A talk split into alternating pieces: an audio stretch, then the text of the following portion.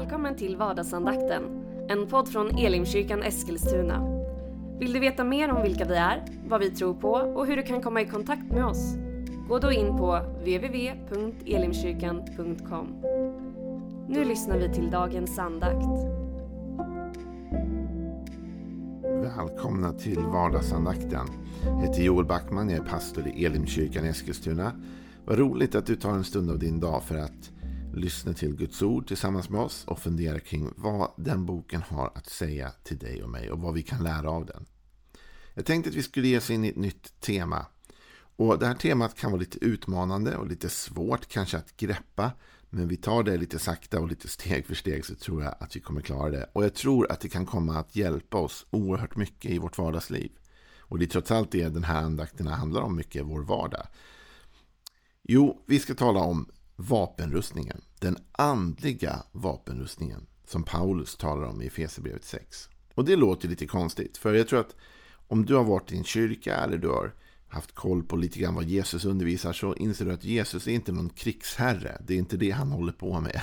Inte i, som huvudsak. Va? Han är tvärtom någon som kommer för att försona och för att bringa samman. Men Paulus talar om att det finns ett krig som pågår. Och då är det inte ett krig mot andra människor, utan det är ett, ett osynligt krig som finns runt omkring oss hela tiden. Och om det ska vi läsa lite grann. Och Paulus talar om att det finns verktyg eller vapen vi kan använda för att lättare ta oss igenom den striden och stå stadigt. Men innan vi går igenom den här vapenrustningen som Paulus beskriver del för del, för han har olika delar som han tar fram, så vill jag att vi ska lyssna till hans ord allmänt om den strid som pågår runt oss. Och det är liksom själva preludiet till hela hans tal. Så här står det i Efesierbrevet 6 och 10. Till sist, bli starka i Herren och hans väldiga kraft. Ta på er hela Guds vapenrustning så att ni kan stå emot djävulens listiga angrepp. Vi kämpar inte mot kött och blod utan mot förstarna, mot makterna, mot världshärskarna här i mörkret och mot ondskans andemakter i himlarymderna. Ta därför på er hela Guds vapenrustning så att ni kan stå emot på den onda dagen och stå upprätt när ni har fullgjort allt. Paulus har skrivit ett långt brev till församlingen i Efesos. Och nu på slutet så sammanfattar han med detta att ni måste finna styrka i Gud, i Herren och i den väldiga kraft som han har. Och så säger han, ta på er hela Guds vapenrustning så att ni kan stå emot djävulens listiga angrepp. Och här bör man stanna upp en liten stund. Det finns ju olika skäl till kanske varför man skulle ha en vapenrustning eller ta på sig en vapenrustning. Det ena är ju för att utöva aggression. Man går ut för att erövra något eller ta över något eller med våld ja, få tag i något liksom. Det är inte det vi gör. Paulus säger däremot att man kan ta på sig rustningen för att beskydda sig själv, stå emot. Ta på er hela Guds vapenrustning så att ni kan stå emot djävulens listiga angrepp. Så Paulus säger inte, hörni, nu ska vi gå ut och ställa till med bråk här. Det är långt från vad Paulus säger. Paulus börjar med att säga, först ska ni hämta styrka så att ni orkar stå emot därför ni är under angrepp. Det är en attack som kommer mot er. Och det är en listig attack. Det är djävulen, den onde som står för detta. Han ger sig på er, ger sig emot er. Och ni måste kunna försvara er emot den attacken. Och det är viktigt att få med den syftningspunkten. Därför vi är inte ute efter att söka strid, problem, bråk.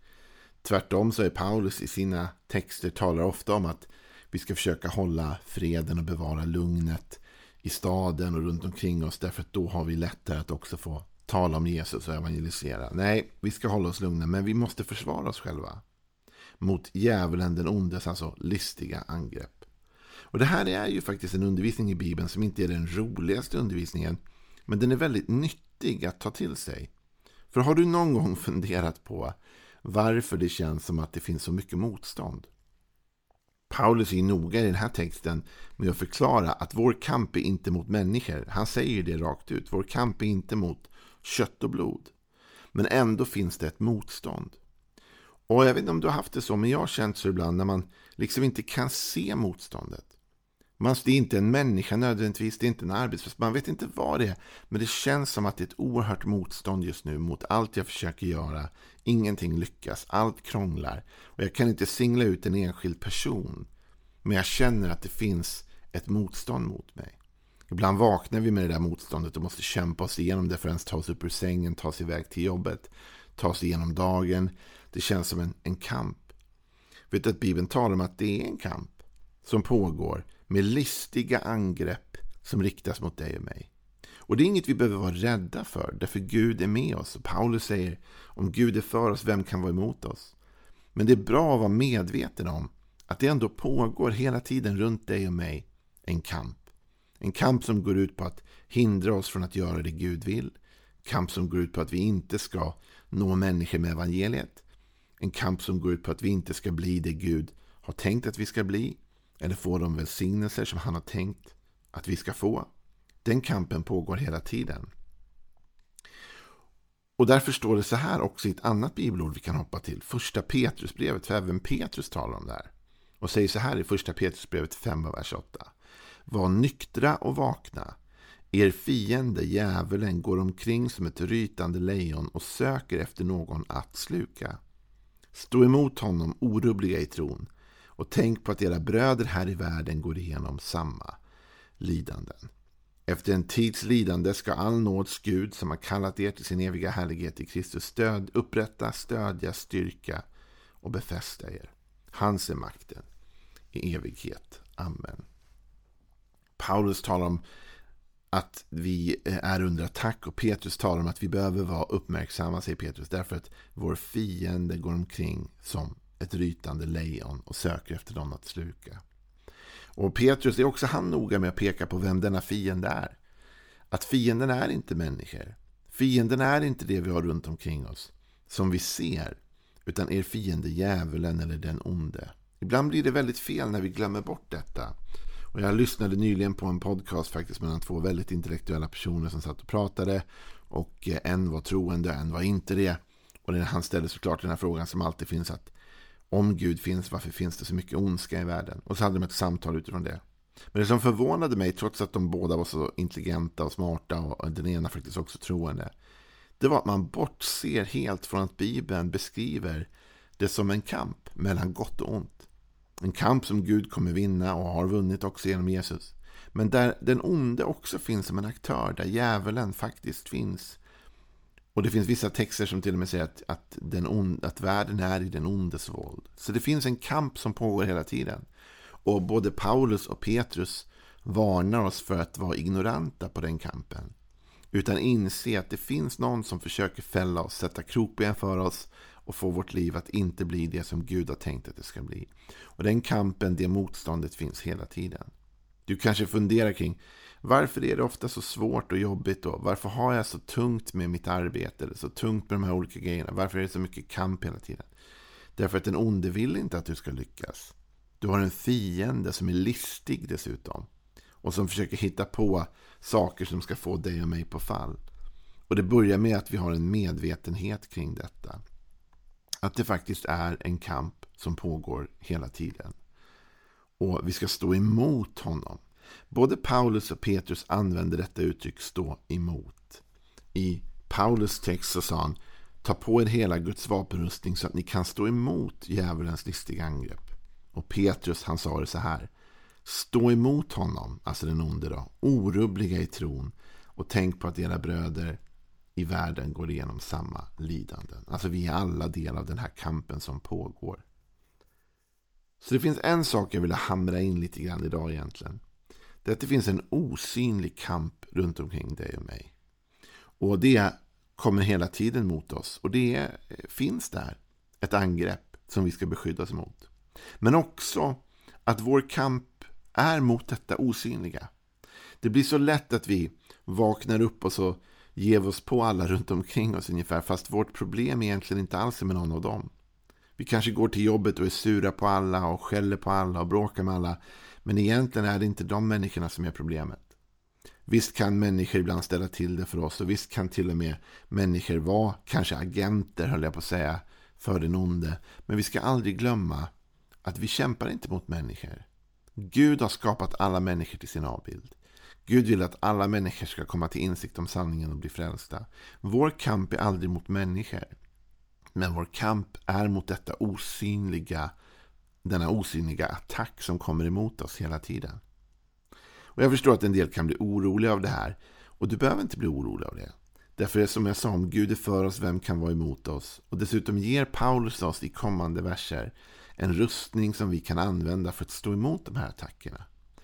Men att vara ignorant för det, eller att inte se det eller förstå det, det tror jag ändå är lite farligt. Att inte vara medveten om att Bibeln talar om att det pågår en kamp hela tiden om ditt liv.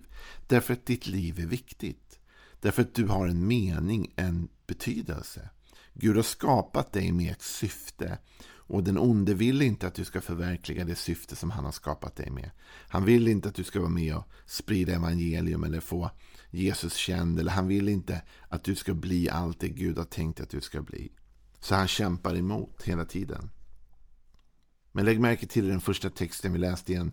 Hur tydlig Paulus ändå är med vilka vi kämpar emot. Vi kämpar inte emot kött och blod. Alltså inte emot människor. Utan mot förstarna, mot makterna, mot världshärskarna här i mörkret och mot ondskans andemakter i himlarymderna. Ta därför på er hela Guds vapenrustning så att ni kan stå emot den på den onda dagen och stå upprätt när ni har fullgjort allt. Paulus talar om att det finns krafter vi inte ser.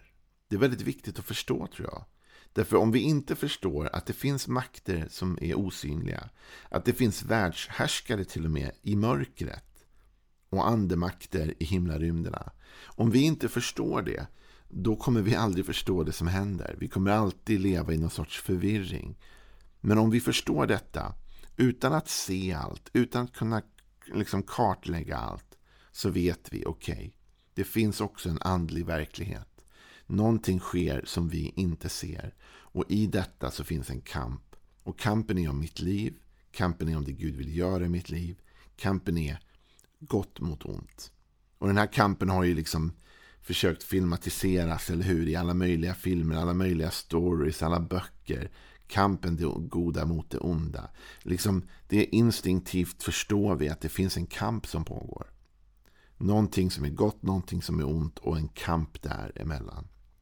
Men det är inte mot det synliga och mot det mänskliga. Och allt för ofta försöker vi lösa problemet tror jag i det synliga. När problemet inte alls ligger på den nivån. Och därför så kommer vi aldrig till bukt med problemet. Utan problemet handlar om att stå emot den onde, avvärja hans attacker och istället göra det som Gud har kallat oss att göra. Därför måste du och jag ta på oss Guds vapenrustning. För om kampen inte är i det vi ser och kampen inte är här på det sättet då funkar inte heller mänskliga vapen i den här kampen. Du kan inte liksom kriga mot andliga krafter med mänskliga vapen. Det funkar inte. Utan då måste man ha andliga vapen. Det är därför du och jag måste ta på oss Guds vapenrustning. För att stå emot den här kampen mot våra liv. Vi kan försöka hur mycket vi vill i egen kraft men det kommer aldrig lyckas. Utan det lyckas bara om vi väljer den väg som Gud har gett oss för att strida emot detta. Och vi är inte heller ensamma. Gud är på vår sida, Gud är med oss. Om Gud är med oss, vem kan vara emot oss? Och Gud låter allt samverka till det bästa. Men om du känner ett motstånd idag så är det just därför att det finns ett motstånd. Det finns en kraft som går emot dig. Men han som är i dig är starkare än han som är i världen. Så du och jag, vi behöver bara inse det här att det finns en kamp. Och när vi inser att det finns en kamp, det finns något att försvara sig emot, då blir vi också benägna att vilja ta på oss den vapenrustning som Gud har gett oss. Och jag ska inte gå in på det i detalj för mycket nu, men imorgon ska vi titta på sanningens bälte. Och när vi förstår att den här kampen pågår runt omkring oss, då förstår vi också behovet av att tala sanning och leva med sanningen. För sanningen är ett skydd för oss. Men det kollar vi lite mer på imorgon. Och jag vet att det kanske inte var den gladaste av alla vardagsandakter. Men den kan faktiskt vara lite förklarande och hjälpande i alla fall. Om du tycker att livet är svårt. Om du tycker att det är mycket motstånd. Om du inte förstår vad det är som är så trögt och svårt och tungt. Så är det därför att det pågår en kamp runt omkring dig. Och den kampen handlar om att begränsa dig, för du är fantastiskt skapad till Guds avbild med ett syfte och ett mål som är fantastiskt. Och den onde vill hindra dig från att leva ut det. Men det kommer han inte lyckas med, för redan imorgon så ska vi börja ta på oss den här vapenrustningen och stå emot den onde och hans attacker. Ha en välsignad dag. Hej då.